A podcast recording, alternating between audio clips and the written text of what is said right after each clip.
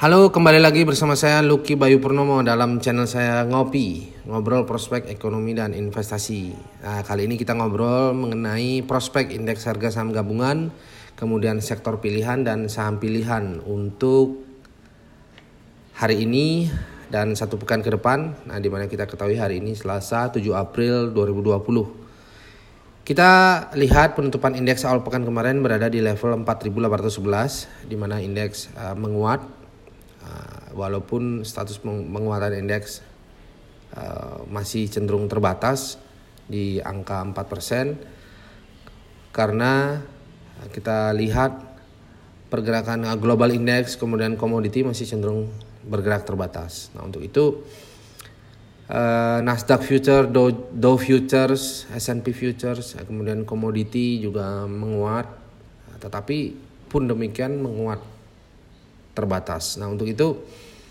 eh, target indeks harga saham gabungan untuk hari ini ada di level 4850 sementara target untuk pekan ini ada di angka 4875.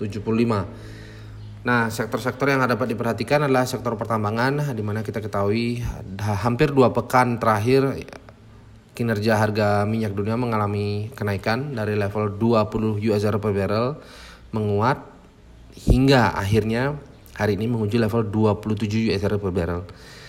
Nah, sentimen positif ada dari kinerja harga minyak dunia yang disertai dengan menguatnya harga emas di mana emas hari ini ditutup di angka 1713 US, US dollar per troy ounce atau menguat 1,16 persen sementara minyak tadi minyak mentah crude oil menguat 3,6 persen.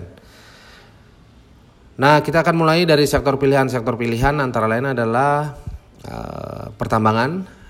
Uh, jadi itu adalah sektor yang masuk dalam kategori uh, the winner atau sektor yang dapat memberikan imbal hasil yang uh, cukup menarik dalam uh, dua pekan terakhir. Nah, kemudian sektor-sektor yang harus dihindari adalah sektor-sektor yang berada pada uh, sektor retail.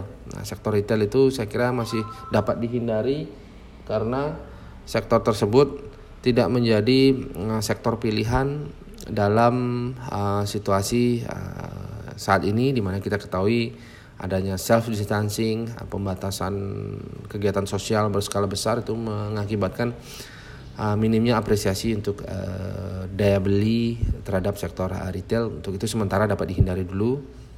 saham-saham yang dapat dihindari antara adalah uh, Matahari Putra Prima, kemudian uh, kita bisa lihat S hardware ya dan uh, kita ketahui uh, sektor retail uh, lainnya itu seperti beberapa uh, saham yang terkait dengan uh, properti antara lain adalah uh, Lipo, grup Lipo, kemudian uh, Ciputra, uh, kemudian Agung Podomoro Land. Nah, itu yang mau tidak mau uh, investor cenderung membatasi diri untuk melakukan transaksi pada sektor uh, properti dan retail.